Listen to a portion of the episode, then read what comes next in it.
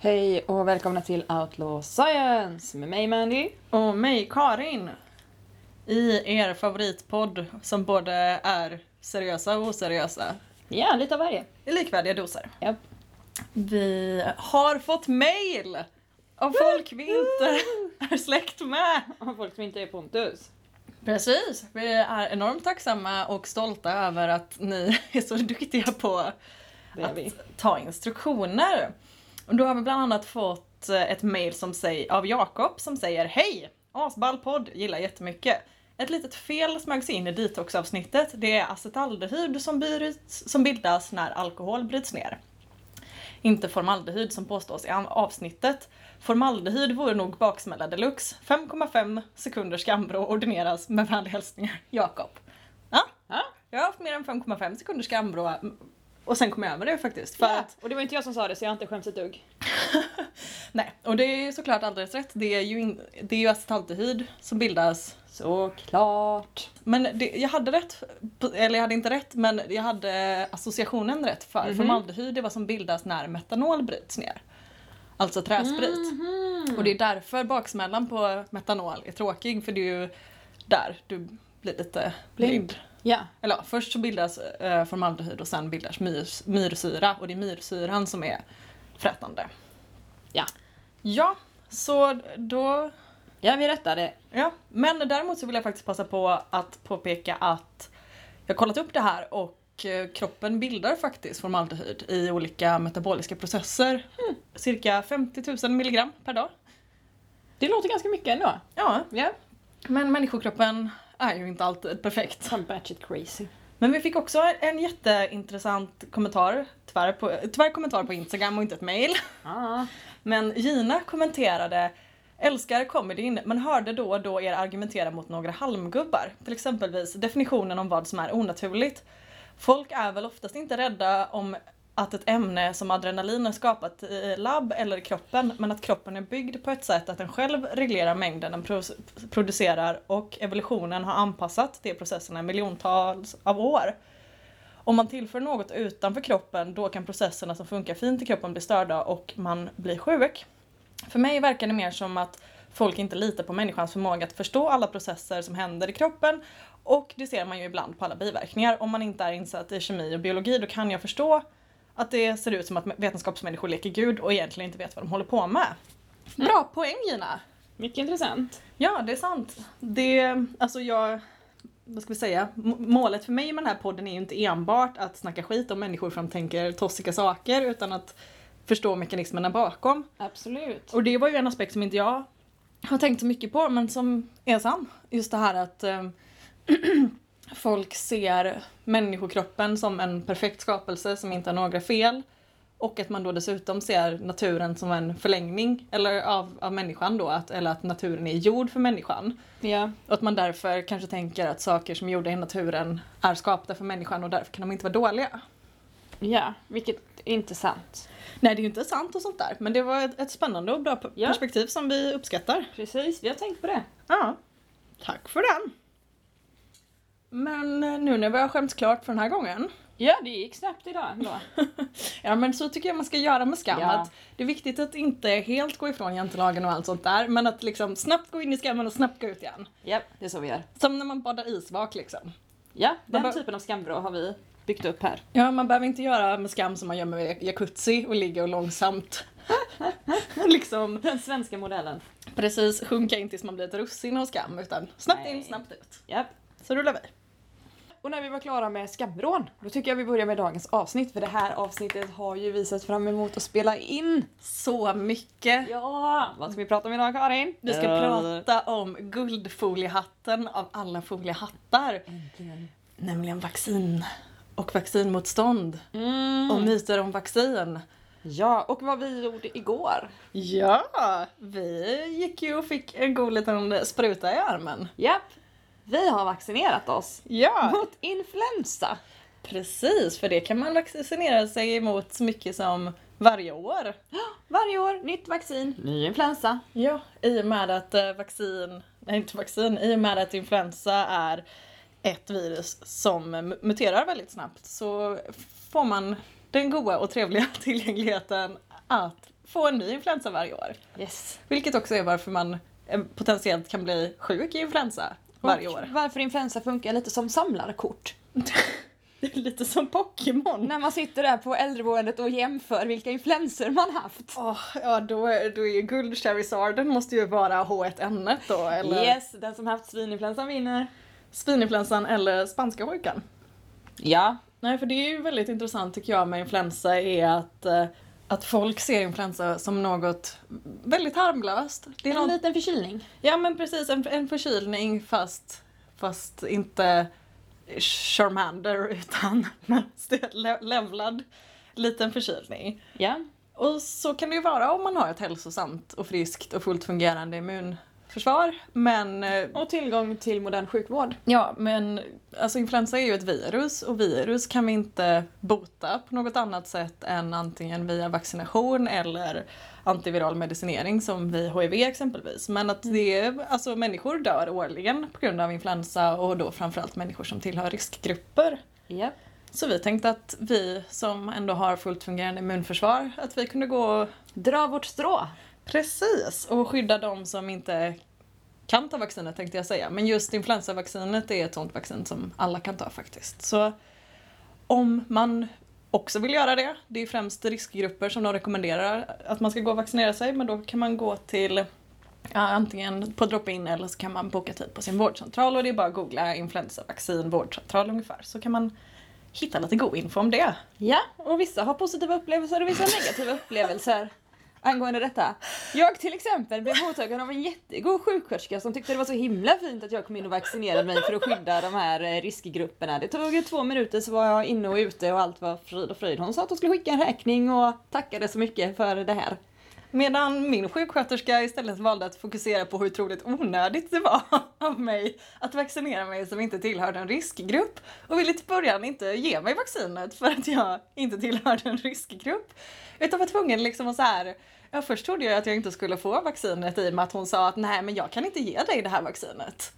Så jaha, nej. Nej, då, då tror man ju faktiskt att man inte ska få det om det är Precis. det någon säger. Sen, sen så gjorde hon den här lilla, lilla plot twisten att nej men jag kan be en läkare om att få ge dig det här vaccinet. Så hon gick iväg och väl- viftade väl mitt papper i ansiktet på någon person som hade läst lite längre än henne eller hade lite högre uppsättning. Hade en vit, vitare rock än En henne. ännu vitare rock. Precis, som fick ge. Obs, det här är inte på något sätt att snacka skit om sjuksköterskor. Ni är världens räddare och jag älskar er. Ja, och min var jättegullig. Ja precis, det var bara min som tyckte, ville poängtera hur otroligt meningslöst det var av mig att vaccinera mig för att skydda mig själv och andra mot en potentiellt dödlig sjukdom. Ja, hon, var, nog- hon hade ingen bra dag på jobbet. Nej, för det är ju just vaccin vi ska prata om och hur, hur bra vaccin är. Vi är ju inte opartiska så på det sättet är ju det här inte så vetenskapligt av oss.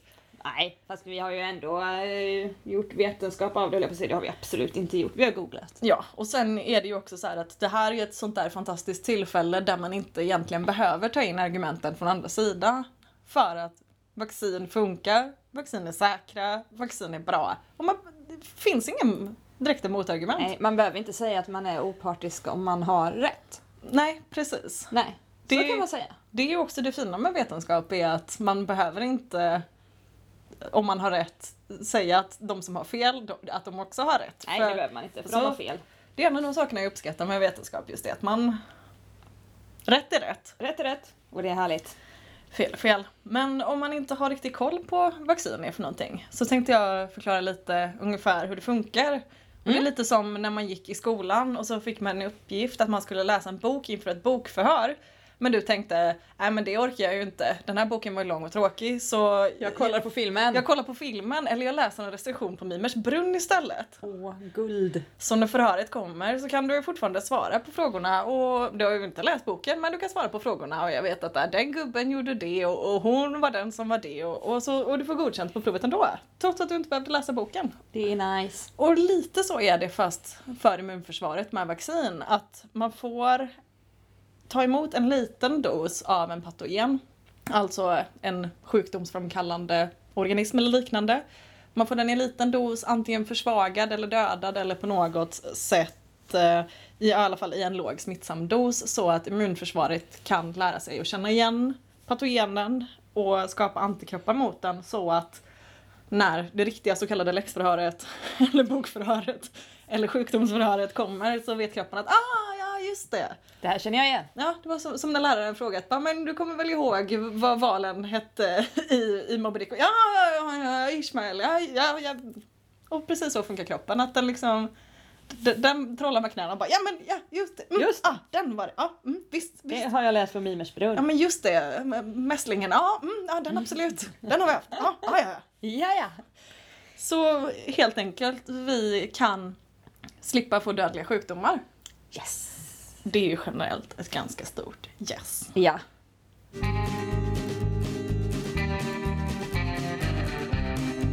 Jag har ju också gjort min favoritgrej, det vill säga kolla medicinhistoria. Ja, ja det gillar du. Vad gjorde man förr? Ja. Och ska man prata om vaccin så kommer man behöva prata om smittkoppor.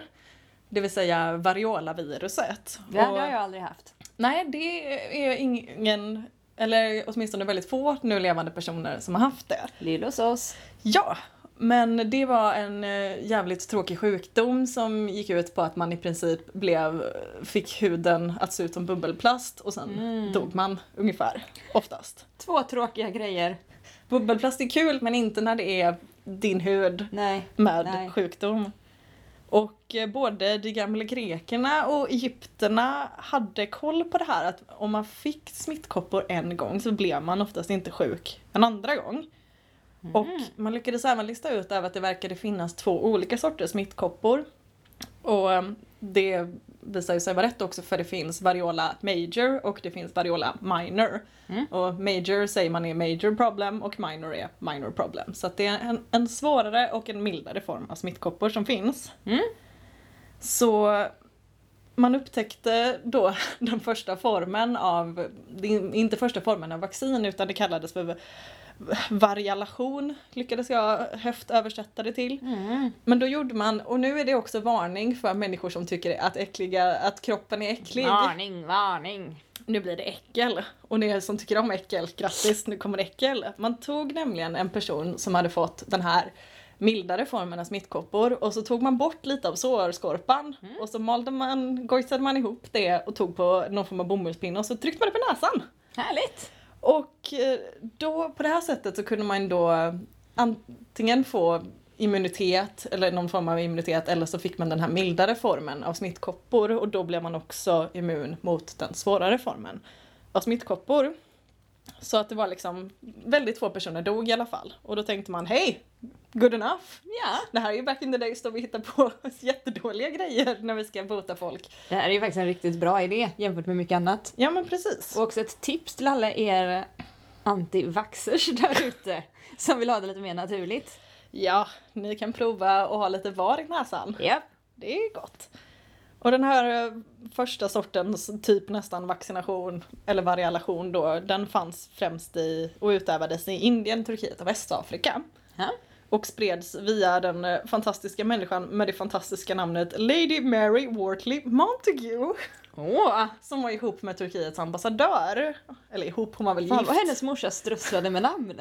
Ja, men man är ju avis alltså. Själv Ja, ja. Själv har man inte ens en ladytitel. Men hon förde med sig den här vad ska vi säga, medicinska utövandet från Turkiet tillbaka till England där hon var ifrån. Ja. Tog den till England och västvärlden under någonstans mitten 1700-tal.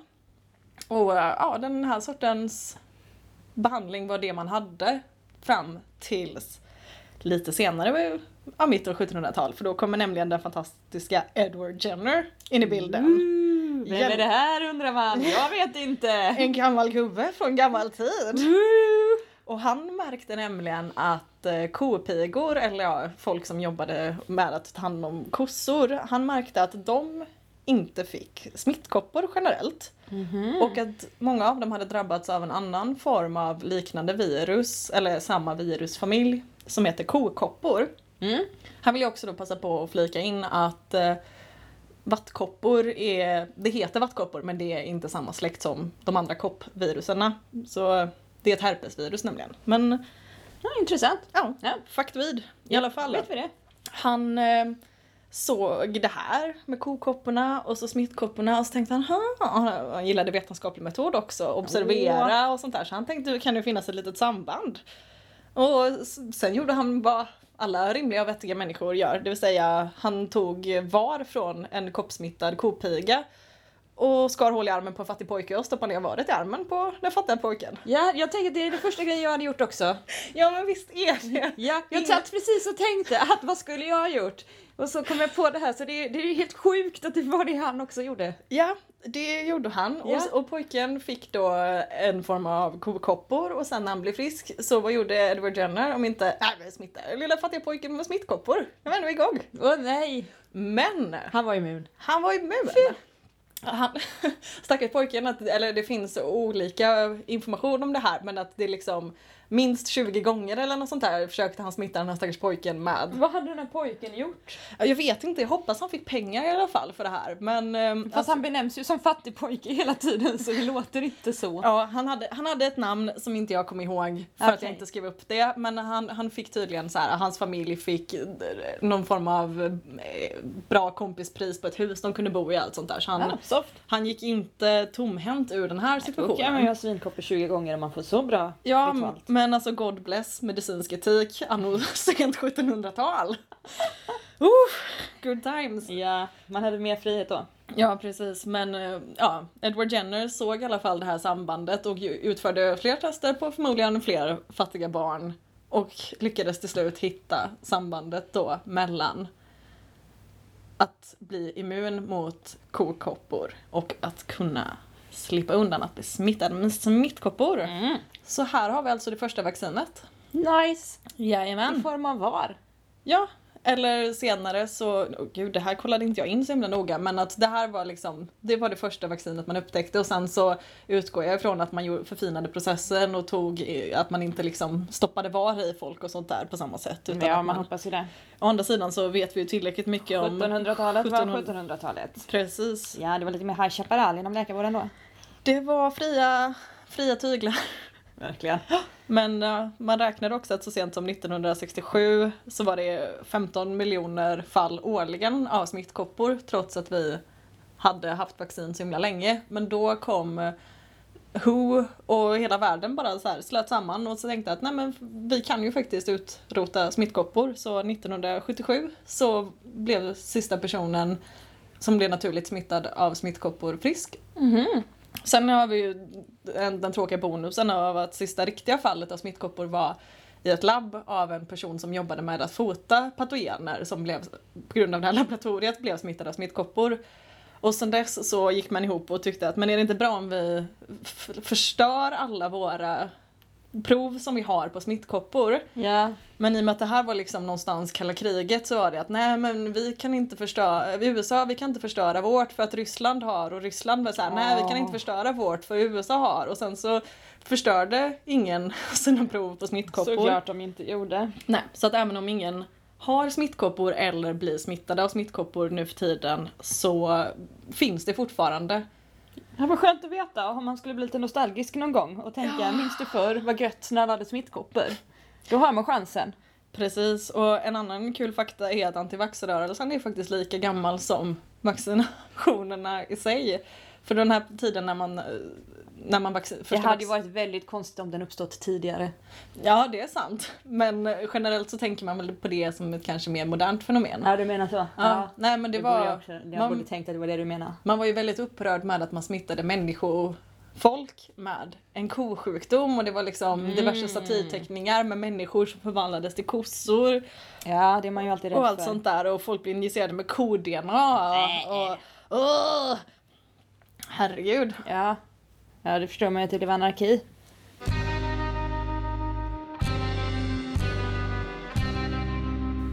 Nu för tiden så har vi ju däremot väldigt många fler olika vaccin än bara smittkoppvaccinet. Vi har jättemånga. Och jag tror att sen, eh, ja efter då slu- slutet av 70-talet när man utrotade smittkoppor så är, ingår inte smittkoppsvaccin längre i några allmänna vaccinationsprogram. Mhm. Mm. Just i och med att det är Inte finns. Precis, eller ja, inte finns förutom i labb hos de otroligt trevliga nationerna USA och Ryssland som, ingen, Ja. som aldrig någonsin har haft problem med etik och moral. Gullisar. Ja. Och det finns, alltså vad ska vi säga, det finns Om vaccin, inte det är ett argument nog för att börja vaccinera barn mot svinkoppor igen så smittkoppor. Dessa svinkoppor. Jag menade smittkoppor, svinkoppor är man inte vaccinerad mot. Det, men det är heller inte så farligt. Så. Ja. Nej, det finns väldigt många fler olika sorters vaccin mot väldigt många sjukdomar men det finns också olika sorters typer av vaccin. Och de Ja.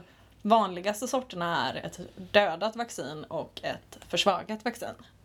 Och fördelen med döda vaccin är att de allra flesta kan ta dem. Då patogenerna är dödade finns det absolut ingen risk att bli smittad ens om man har ett försvagat immunförsvar.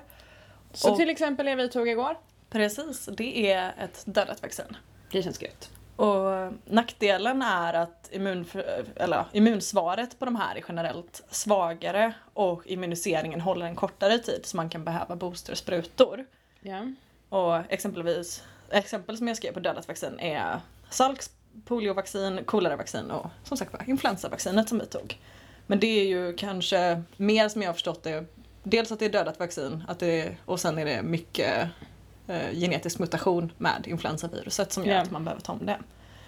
Sen har vi försvagat vaccin och det innebär att man tar patogenen och försvagar den helt enkelt, oftast med formaldehyd. Mm. Så detta gör att immunreaktionen blir bättre och man får ett mer långvarigt skydd och mindre behov av boosters. Så man får låg kostnad och snabb immunitet, vilket är nice. Största nackdelen är då att i och med att patogenen inte är dödad så finns det människor som exempelvis de med nedsatt immunförsvar eller folk som genomgår kemoterapi eller har varit eh, immun, eller vad heter det? Har varit organ, fått organ donerade till sig. Mm. De kan inte få ta de här vaccinen och exempelvis på försvagade vacciner är mässlingen, påssjuka och tuberkulos. Mm. Och när vi pratar om människor som inte kan ta vaccin så kommer vi ju in på vikten av att alla som kan ta vaccin gör det. Ja. Och det är ju det här med gruppimmunitet. Vilket är när tillräckligt många personer och det är också det det här för att uppnå gruppimmunitet så måste ett procentandel av befolkningen vara vaccinerade och det här varierar från olika patogener hur stor procentsatsen behöver vara. Men det utgår ifrån att om tillräckligt många är skyddade så kan inte sjukdomen få grepp om någon. Nej. Och det innebär att de personerna även som inte är vaccinerade smitt, eller behöver inte smittas eller riskerar inte att smittas för att man bygger upp som en liten mur, ett litet fort. Men om man istället har människor som exempelvis bor i Järna och exempelvis tycker att torrborstning är ett bra alternativ mot vaccination. Eller att äta mycket A-vitamin har jag också läst. Åh herregud vad trevligt. Då kan man ju få det här att plötsligt så fin- är det så många ovaccinerade individer att sjukdomen faktiskt kan bryta ut. Och det är ju vad vi ser i, över hela världen. Ja. Och bland annat i Sverige, i Göteborg hade vi det i, var det i år eller var det förra året som det var mässlingsutbrott? Och det minns inte jag.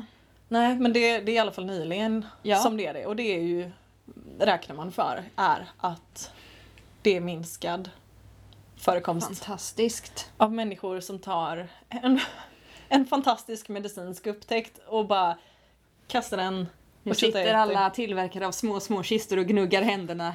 i små, små kistor. Oj, oj, oj, oj, oj. Äntligen är mässlingen tillbaks. Ja, för det tänker man ju också, eller vad ska vi säga, innan vi hade ett vaccin mot mässlingen så var mässlingen en barnsjukdom som alla hade för att mässlingen är en av de mest smittsamma sjukdomarna. Jag läste någonstans att 9 av 10 personer som blir utsatta av smittan blir också smittade. Det är bra odds. Ja, om man är Om man vill sjukdom. ha den alltså. Om, om man är mässlingen är det Om man är fantastiskt. mässlingen, så då är, vinner man. så är det fantastiska 9 av odds. 10. Och mässlingen är ju också en virussjukdom vilket innebär att får man den så kan vi ingenting göra. Nej, får man den så har man den. Yes, och hela grejen med mässlingen är att det är inte en harmlös ofarlig grej som man kommer över utan att folk kan faktiskt dö av den. Framförallt om man är barn eller om man är gravid eller om man har nedsatt immunförsvar. Ja. Och det, det är ju en tråkig inställning skulle jag vilja säga att, att chansa för att eller vad ska jag säga? Jag, jag har ju inga barn själv så att jag s- skulle inte påstå att jag förstår d- den här oron och eh, aktsamheten man har kring sitt barn. Men man har ju också hört om hur jobbigt det ska vara de där nio månaderna och hur jävla ont det ska vara att trycka fram den. Ja. Och då kan man känna att man gjort detta en gång, Ja. då får man ju vara rädd om den man fått fram så man inte behöver göra det igen. ja, det var någon som sa en gång ett par ord som jag tyckte var bra med tillägget då att det här gäller inte immunoförsvagade och sjuka men orden var vaccinera bara de barn ni vill behålla. Ja, Och det är ju ändå rimligt sagt. det gäller. Mm. Nej, för att det du gör när du undviker eller låter bli att vaccinera ditt barn är att du riskerar inte bara livet på ditt eget barn utan på väldigt många andra barn Ja. som vars liv till, liksom, det ligger i händerna på oss alla att vi ska skydda dem. För det hör man ju ibland att så här, jag väljer att inte vaccinera mina barn men det drabbar inte dig, du kan vaccinera dina. Det är mitt beslut. Och då ska man ju också komma ihåg att dels är det många barn som aldrig kan vaccineras på Ja. grund av olika anledningar, till exempel nedsatt immunförsvar. Mm. Men också det att man börjar vaccinera barn vid en viss ålder. Vissa vaccin kan de få direkt, Ja. men sen så behöver de vara en viss ålder när de får vissa vaccin. Vilket innebär att de i kanske ett par år av livet går helt oskyddade mot vissa sjukdomar som andra föräldrar väljer att inte vaccinera sina barn mot. Nej, och det är väl ett, vad ska vi säga, ett lyxigt i-landsproblem är ju att många av de här sjukdomarna i och med att allmänna vaccinationsprogram har funnits så länge så, så ser inte vi de här sjukdomarna som en fara längre för vi har aldrig sett dem. Alltså jag känner ingen person som har varit sjuk i polio eller lider men på grund av polio.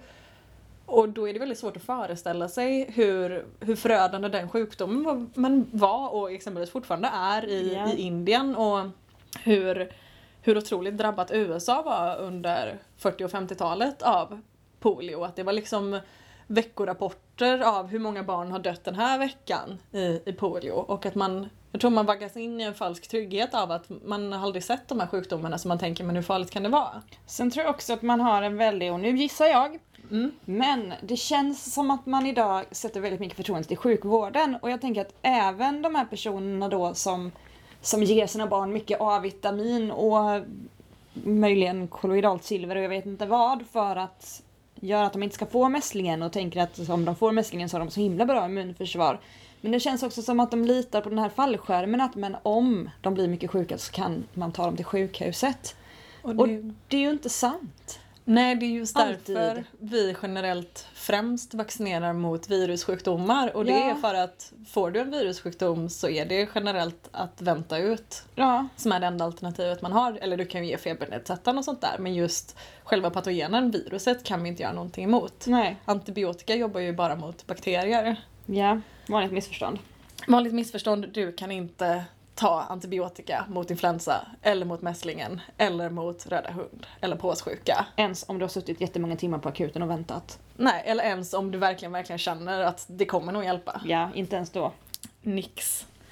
Så ja, nej, men jag tror det är också en idé som folk har är att man skulle få bättre immunitet mot en sjukdom ifall man har smittats av den. Ja. Och det är, alltså delvis är det ju sant, du får ett bättre s- vad ska vi säga, immunförsvar mot en specifik form av influensa ifall du har blivit drabbad av den. Ja. Men det man glömmer bort är ju hela den här grejen att ja, skyddet kanske kan vara sämre med en vaccination. Men du slipper också sjukdomen. ja, det är ändå nice. Ja, det är lite det som är hela poängen är att, så här att ja, det kanske inte är det 100% 10 000 optimala. Och Nej. att så här, ja, har du fått mässlingen så får du aldrig det igen. Nej, men du har också haft mässlingen en gång mer än vad jag har haft. Ja, och sen också det här att man kan, om man får influensa kan man ju stanna hemma från jobbet och ha det gött. Ja, men vet ni vad jag ska göra nästa vecka? Då ska jag ringa till min chef och säga att jag har influensa. trots att jag har vaccinerat mig. Och så kan jag bara vara hemma och ha det gött. Precis. Utan att vara sjuk. Vet ni vad jag ska göra istället? Roliga grejer. Sånt jag inte hade orkat göra. Om jag hade haft influensan. Nej, för alltså influensa är ju inte... Det är o, orimligt romantiserad Ja. sjukdom skulle jag vilja säga. Att nu, nu var det ganska länge sedan jag hade influensan seriöst mer än liksom den här vanliga säsongsförkylningen att man är lite täppt i näsan. Ja. Men generellt så är det ju liksom, Supertråkigt. ja eller att man lite funderar på att så här, har någon snabbnumret till Liemannen, jag är lite sugen, inte alltså jag vill inte dö men alltså jag vill Man vill ju slippa lida. man vill shop around lite ändå och se Ja. vad har jag för alternativ, vad finns det för erbjudanden? Så det är väldigt konstigt och väldigt dåligt argument. Och du, Vilket tråkig inställning. man kan ju som sagt va, man kan vaccinera sig mot någonting och så, och så låtsas. Ja, ja. Sjukanmäler ändå för fan om det är det som är problemet. Ja, alltså för 100, 180 kronor betalade vi för en enstaka injektion in i Ja. armen. Med den minsta nålen jag tror jag varit med om. Ja. Det är liksom betydligt mindre än de som man tar blodprov med, för de kan jag tycka gör lite ont. Men det här var m- minst sagt obesvärande. Nej, det här kändes inte. Också en fördel kom jag på att ifall man är mellan 2 till 18 år och är extremt nålrädd och inte, obs då inte har nedsatt immunförsvar så kan man få en nässpray Mhm. med influensavaccinet. Eller Det- bara kolla åt andra hållet. När de sticker dig. Man kan be någon att örfila en samtidigt så har man Ja. en distraktion som är Ja. väl värd namnet. Alla de alternativen finns. Ja, men som sagt var nässprayen är levande virus så att då får Mm. man inte ha nedsatt immunförsvar. Men det, det är någonting man ska diskutera med sin läkare och eller vårdcentral. Ja. Men det är ett, ett hett tips om det är det man tycker är absolut läskigast. Mm. Så kör hårt.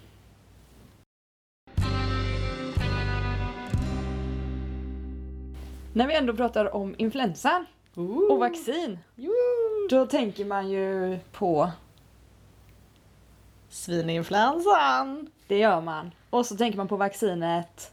Pandemrix. Ja, det var ju ett fiasko. Ja, det var det. Beroende på hur man ser det. Eh, Men eh, som sagt, det här är ju lite utav eh, flaggskeppet hos många vaccinmotståndare. Det är stjärnan i toppen på foliehatten i, som är Guld. förgylld. Ja. Precis, den stjärnan tänkte jag att vi ska beröra lite nu. För det här har jag kollat lite närmare på.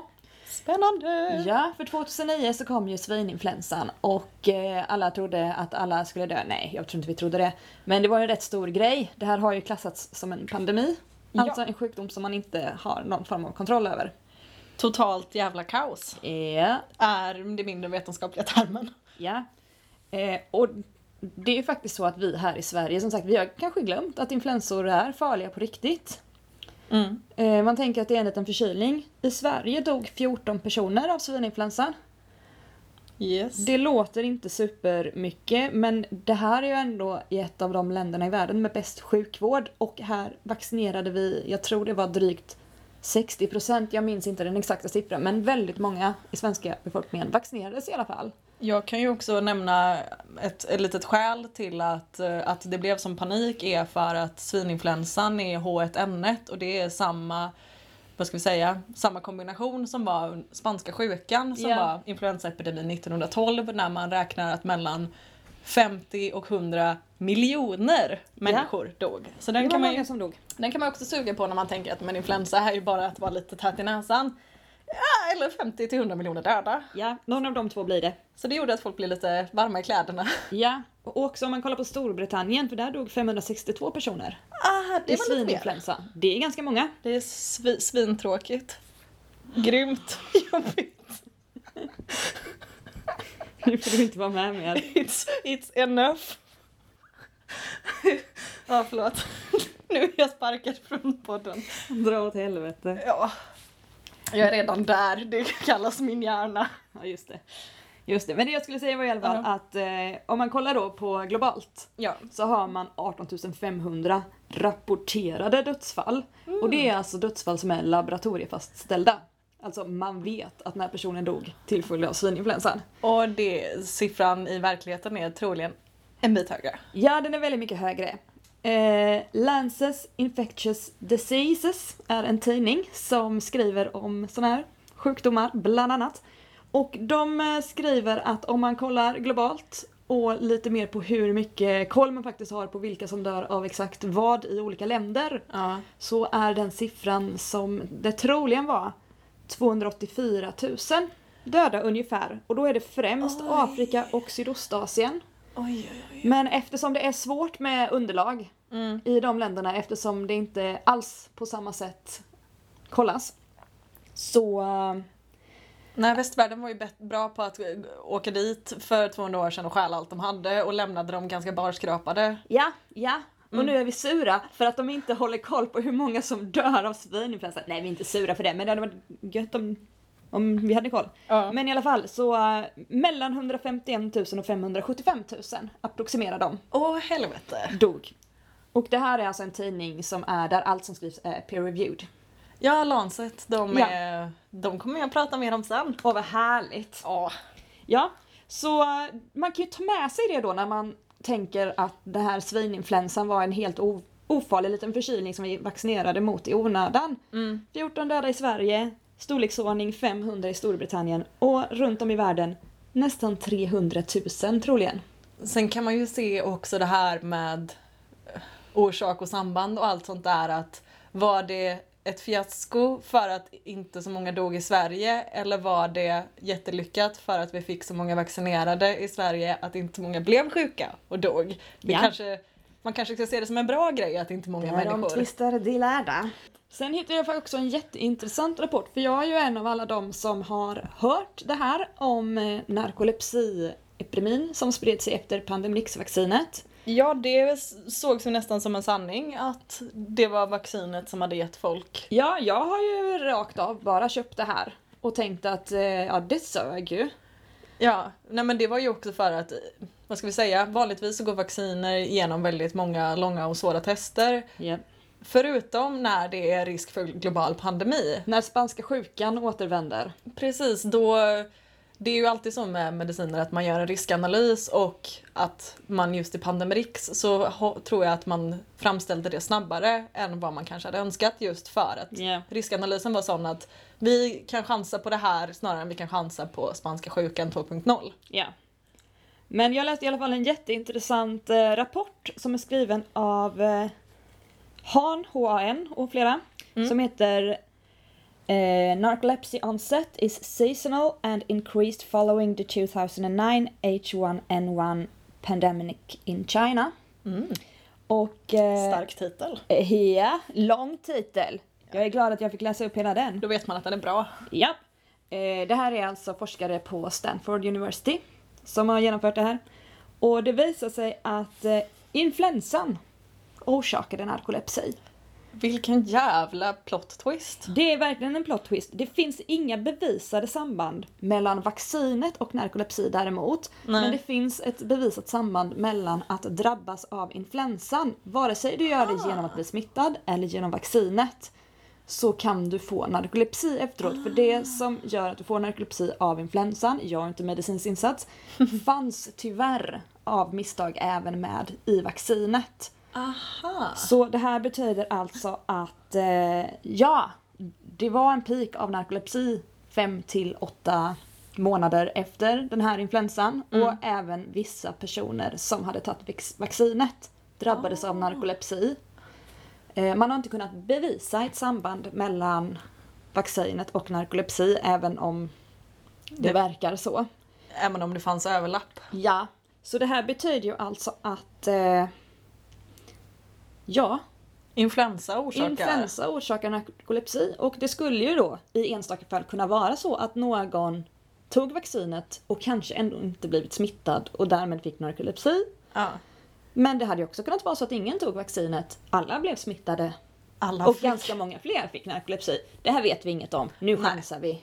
typisk spekulation. Ja, men jag tyckte jag, det var så himla intressant Jävlar, att läsa vad- det här, för det visste inte jag. Inte jag heller. Eller jag, jag hade kollat in det här med just Pandemrix och sambandet mellan eh, narkolepsi men jag visste inte att det var just sambandet mellan att ha fått influensan och att få narkolepsi. Fan vad intressant. Ja, i den här rapporten som jag läste då så hade de kollat på 142 patienter närmre Mm. som hade fått eh, narkolepsi efteråt och åtta av dem hade. tagit vaccinet så de kunde inte bevisa ett samband där. Nej. Ja, så det är en rapport som jag rekommenderar er att läsa igenom om ni är intresserade av det. Rafflande jävla läsning alltså. Ja. God damn. ja, jag blev jätteglad för jag var helt övertygad om att det var sant.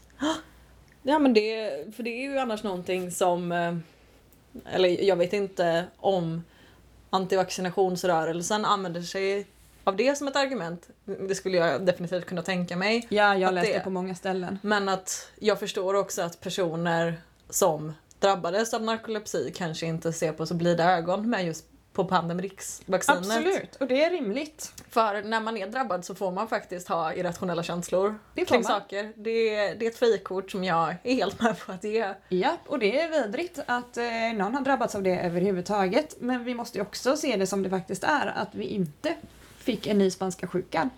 Exakt. Och, Och ett n är ju typiskt tråkigt. det har vi ganska odiskutabla bevis för. Japp.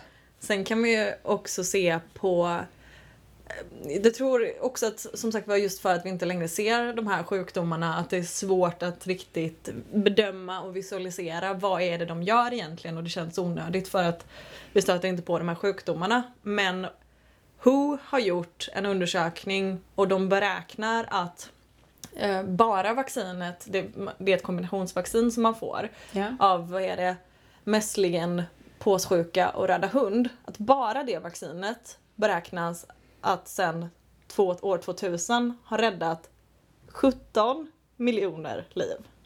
Det är rätt många liv. På bara 18 år. Alltså att det, det är Ja. i snitt en miljon människor per år som räddas ifrån att ha behövt att dö Ja. enbart på grund av vaccinerna. Och det tycker jag är en helt okej siffra. Ja, ja, jag tycker vi ska vara nöjda med det.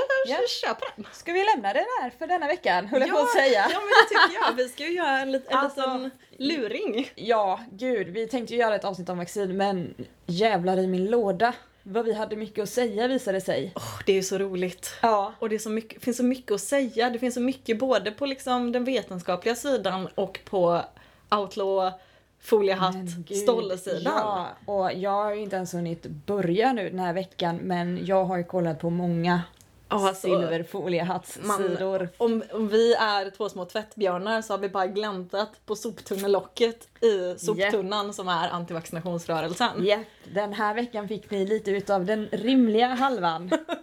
Och nästa vecka får ni en helt stollig. lite utav ett baseballträ i ansiktet kan man kalla det avsnittet för. Det där har ni något att se fram emot. Ja.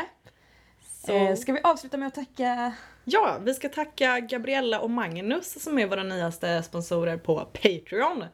Och så vitt vi vet i alla fall så är ingen av de personer vi är släkt och eller sambo med. Woohoo! Så nice! Nu, har- nu har vi slått igenom. Yes! Så är det. Vill ni vara med och stötta oss ekonomiskt så kan ni gå in på patreon.com slash outlawscience där ni kan stötta den här podden för så lite som, vad blir det, 2,50 per avsnitt ungefär? En dollar i månaden. Det är väl inte 2,50? Nej men en dollar i månaden och fyra till fem avsnitt per månad blir Jaha. Ja, matte. Bitch. Look, Fan vad du är snabb. look it up! Vill ni istället betygsätta oss gratis så ska ni prenumerera, betygsätta och recensera på vilken app ni än lyssnar på. Vill ni göra en orosanmälan eftersom jag är legitimerad matematiklärare så kan ni ringa till Skolverket. Skolverks tillsynshetsnämnden. Ja, de kan man mejla Eller DO.